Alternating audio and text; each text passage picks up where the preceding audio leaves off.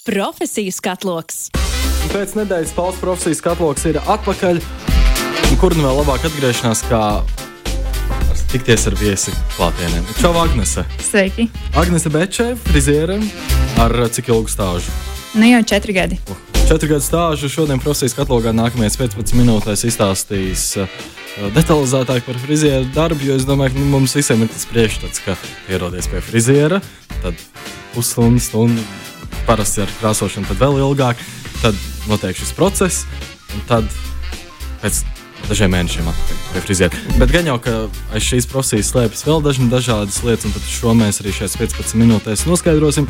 Bet iesākumā, jā, kāda ir tā ikdiena? Uh, ikdiena ir ļoti radoša. Mm. Tā kā man liekas, nevienā mirklī nav garlaicīgi. Mums vienmēr ir satiek jaunus cilvēkus, jaunus klientus, satiek savus pastāvīgos klientus. Tā ir tāda, es teiktu, balīti ar draugiem, par kuras laikā tu vēl viņus spēj apcēt.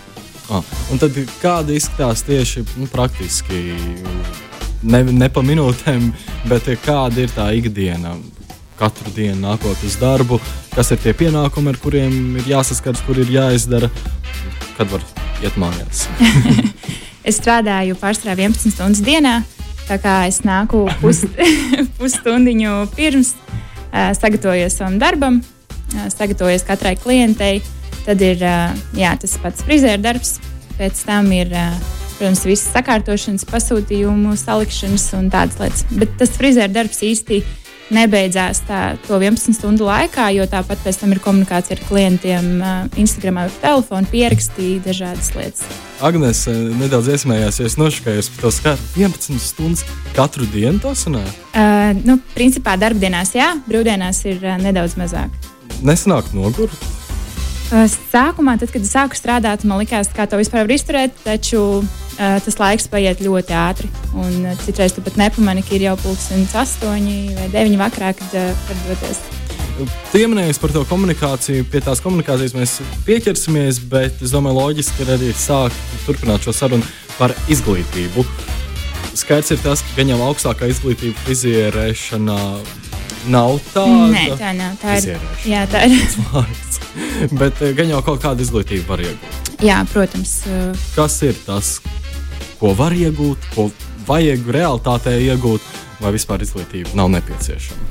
Uh, principā es pat arī mācījos uh, jā, skolā par frizieri, bet uh, cik es no savas pieredzes varu teikt, tad uh, skolas tā, tā zināšanas ir 5% no vis tā, ko tu spēj pielietot uh, darbā un ikdienā. Uh, Jo mūsdienās mainās tik ļoti viss pa, pa mēnešiem, pa, pa pusgadam. Tas, kas bija iepriekš aktuāls, šobrīd vairs nav. Un, jā, tas, ko es ieteiktu visiem jaunajiem, ir noteikti meistarklases semināri un pašam ikdienā skatīties, kas ir aktuāls. Bet praksē nav tā, ka tev pieprasa, nezinu, tur kaut kādus obligātos kursus, bet tu vari jau sākt pamazām, pamazām. Jā, ir arī ļoti daudzi, kas, kas ir bez izglītības, bet jā, dara to lieliski. Un par to izglītību un komunikāciju gribēju iesākt par to izglītību, jo komunikācija, manuprāt, ja ne svarīgākais, tad varbūt viens no svarīgākajiem aspektiem frizieru darbā. Varbūt tas ir pats svarīgākais, kā ir. Noteikti. Es ticu, ka jā, pie, nu, es vairāk strādāju ar sievietēm, tās ir krāsošanas. Viņa cilvēks man ir trīs stundas. Tad uh, būtu diezgan jocīgi, ja mēs klusētu vai nerunātu, vai ja mums tā komunikācija neietu. Tas ir viens, un otrs arī Tad, kad mēs veicam šos pierakstus vai kā komunicējam klientiem attālināti, tad uh, tas arī ļoti aktuāli, lai viņš justos pie tevis gaidīts. Un, uh, tā. vai tas ir kaut kas, ko iemācās ar laiku, vai tu jau ieeji uh, šajā darbā, kā ļoti komunikabls cilvēks, atvērts visam? Vai to ar laiku tā apgūst? Nu, man personīgi noteikti ar laiku, jo es uh, sākumā biju ļoti kautrīga. Un, Un tev arī ir pirmais, eh, tas, ka tu strādā pretī spogulim, un tev visu laiku redz, un tev ir tā, tev ir vienkārši jāsajūtas droši, būt drošam, eh, sarunāties ar klientiem un eh, būt atvērtam. To noteikti iemācās vienkārši pieredzes laikā. Un par šo procesu, par matu griešanu, ja tu varētu kaut kā nezinu, ļoti īsi, dažos teikumos par pašu griešanu, izstāstīt, kā tas notiek. Jo man vienmēr šķiet ļoti amizanti, ka es aizēju pie friziera un tad tur ar šķērēm ņemas tā, bet beigās izskatās ļoti skaisti un ļoti labi. Ja mājās tu paņem kaut vai tās pašas šķēres, tu griezīs un viss nāk šķīvi greizi nepareizi. Varbūt kaut kādā vienā paplašinātā teikumā tu vari izstāstīt, kāpēc ir šī atšķirība.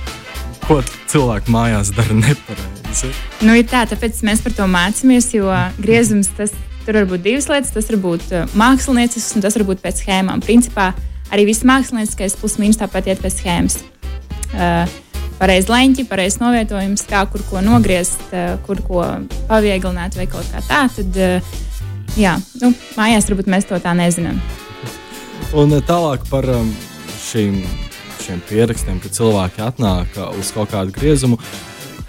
Man arī vienmēr šķiet ļoti interesanti, jo cilvēki parasti ierodas ar kaut kādu vēlmi, ko viņi vēlētos realizēt, kā viņi gribētu, lai viņa mati izskatās.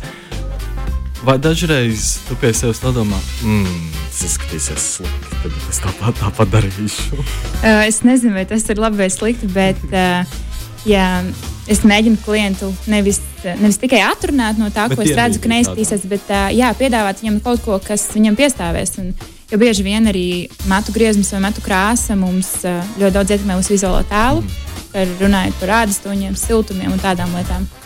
Tā kā es pats mēģinu klientu ievirzīt tajā, kas viņam piestāvētu. Un, ja viņš pastāv uz savu, tad, uh, tad, tad es daru. Bet uh, es pats mēģinu sarunāt. Tad vēršoties pie tādām pozitīvām, negatīvām lietām, varbūt vispār negatīvās lietas, varbūt pozitīvas lietas vispār nav. Bet eh, kā ir frizēra darbām? Kas tavuprāt ir visforšākais? Visforšākais noteikti ir tas, ka tu vari ikdienā vienkārši būt mākslinieks. Tev ir tā, tas mūsu audekls, ir uh, klienta mati, uz ko tu vari strādāt un izpausties.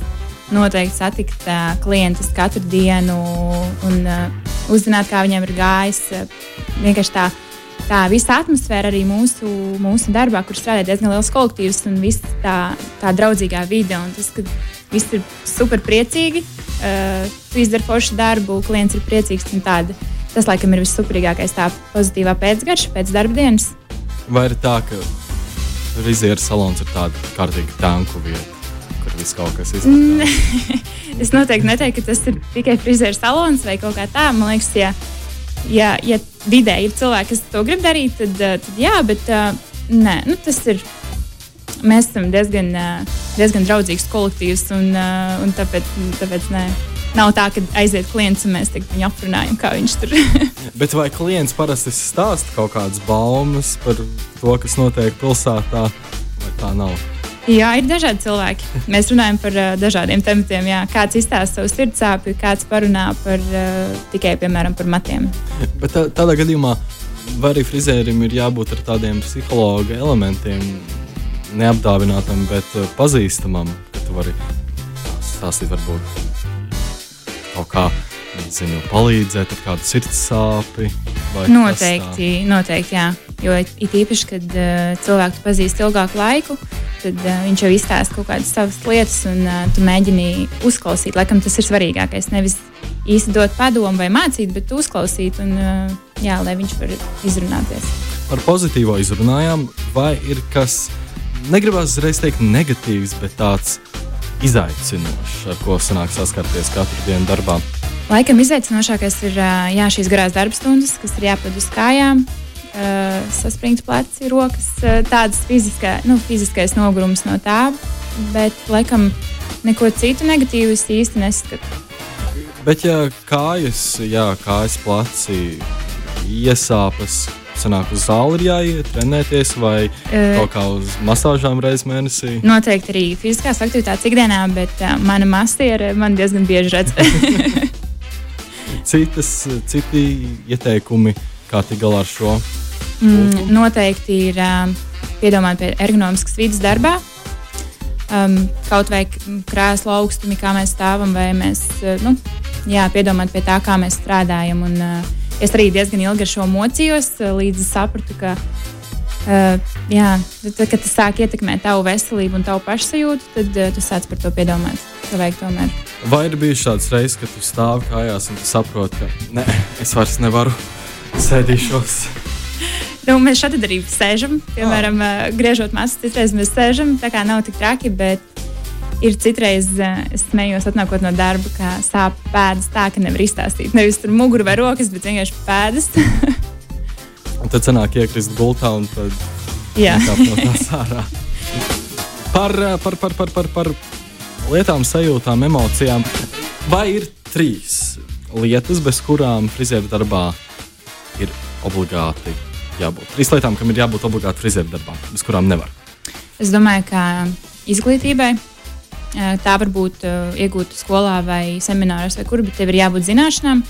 Noteikti ir jābūt uh, radošam prātam, tādām diezgan trakām idejām. Un uh, trešais, kas varbūt liksies īsti nesaistīts ar, ar frizieriem, bet tā ir matemātika, jo tā ir diezgan liela.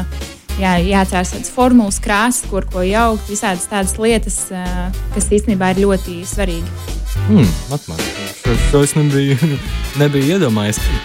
Par krāsu jaukšanu pieminējies. Vai ir sanācis tā, ka sajauc nepareizs krāsas? Uh, īsti nē, ir gadījies, ka kāds ir sajaucis stūmiņus, uh, ielicis citās kastītēs, un, uh, bet es parasti vienmēr pie tā piedomāju, un es pārbaudu. Bet ir gadījies, ka tu iespēj krāsu un saproti, ka tā nav tā. Un, uh, tad, bet tā, kad uz klienta galvas ir uh, nokrāsota un pēkšņi kaut kas cits, tad paldies Dievam. Nē. Vai ir gadījies arī kaut kāds šāds interesants stāsts, atgadījums darba vidē? Uh, laikam, ka nē, man pašai nē. Vai ir dzirdēts? Ir dzirdēts uh, daudz, kas jā, ka citreiz ielē, grib ielikt, piemēram, pelēku, pelēcīgu krāsu un sajauc ar melnu, un tad ir tumšāk vai kaut kas. Vai kad filieru šķēru vietā paņem parastā šķērs, nu, nogriež kaut kāds čips, nu, ko, kas, ko vajadzēja tikai pavieglināt, tad uh, ir dzirdēts tāds lietas. Yep. Par jauniešiem, kuri plāno stāties iekšā kaut kur, mācīties kaut ko par frizieru darbu vai vispār skaistumu kopšanā, kā tādā iet iekšā vidusskolas vecumā. Vai tev būtu kāds padoms šiem jauniešiem, kāds ieteikums, kas tev būtu noderējis sākot šo karjeru? Ko darīt, ko nedarīt? Uh, Noteikti nefokusēties tikai uz skolu. Uh, Ļoti agrā la, nu, laikā, principā jau skolas laikā, var sākt apmeklēt jā, tieši šos seminārus, meistarklases, individuālas lietas. Jo um, jā, mūsdienās šī visa frizēra pasaule ir daudz plašāka, daudz plašāka nekā, uh, nekā mums varbūt sniedz skola.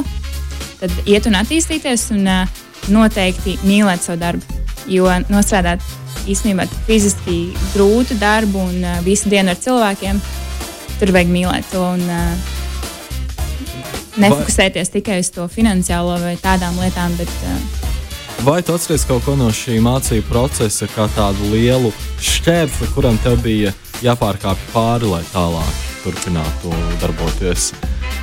uh, mācību procesā tieši pirmais bija tas, ka liekas, pēc mēneša skolā man uh, skolotāji paziņoja, ka man gatavos konkursam. Un es biju pilnīgi izbrīnīta un, uh, un sākumā teicu, nē. Un tā bija laikam, pēdējā reize, kad es visā šajā profesijas laikā pateicu nē kaut kam. Bet, uh, protams, ka es pārdomāju, un es startēju tajā konkursā, un paldies Dievam, arī uh, vinnēju toreiz. Bet um, grūtākais laikam arī posms bija atrast tieši prakses vietu, jo es biju tikusi arī citā prakses vietā, kur man likās, ka nē, es nekad nebūšu frizieris tieši dēļ vietas. Tad man ļoti veiksmīgi sanāca nomainīt šo prakses vietu un sapratu, ka var arī savādāk un daudz augstākā līmenī. Par praksi, vai tev būtu kāds ieteikums, kā meklēt to prakses vietu, lai atrastu? Um, es domāju, ka noteikti jāizdomā sākumā pilsēta vieta. Un, uh, vienkārši jāiet uz, uz vietas klātienē, paskatīties, parunāties. Uh, pie mums arī nāk ļoti daudz meitenes praksē un arī puiši. Uh, vienkārši atnākt, parunāties, paskatieties, un uh, mēs esam pretī nākuši tam. Noteikti vienkārši izteigāt vairākus variantus un izvēlēties to labāko, ko es toreiz neizdarīju, diemžēl. Bet, bet, redz, Bet viss ir labi. Viss ir kārtībā. Un tev arī novēlēšu, lai turpmāk ar visām Covid pārdzīvotajām nedēļām viss tagad būtu labi. Un tad, lai priecīga svētdiena, priecīga nākamā nedēļa, priecīgs pavasaris, kas ir sācies. Un tad, mm, kā man patīk teikt, tiekamies citreiz. Paldies! Profesijas katloks.